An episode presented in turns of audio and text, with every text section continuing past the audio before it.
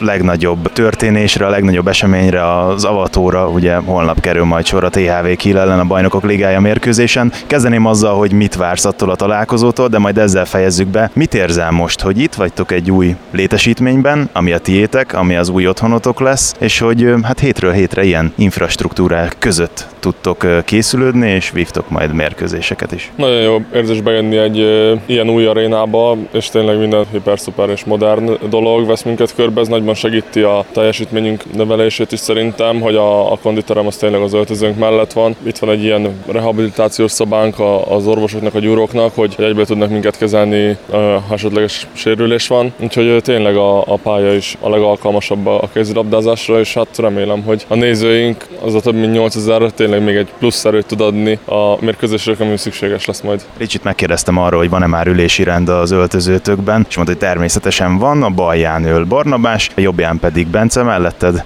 kik foglalják el a szekrényeket?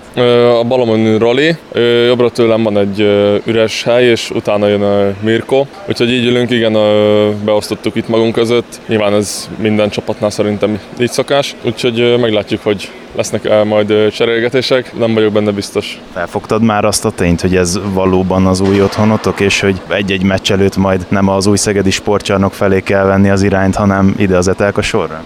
Hát kezdjük, de szerintem ez majd uh, holnap fog mindenkibe tudatosulni, miután tényleg idejövünk a, a Kiel ellen, és itt fogunk megmérkőzni, és hát bízom a fantasztikus hangulatban, és abban, hogy győzelemmel tudjuk zárni ezt a BL idejének ennek a részét.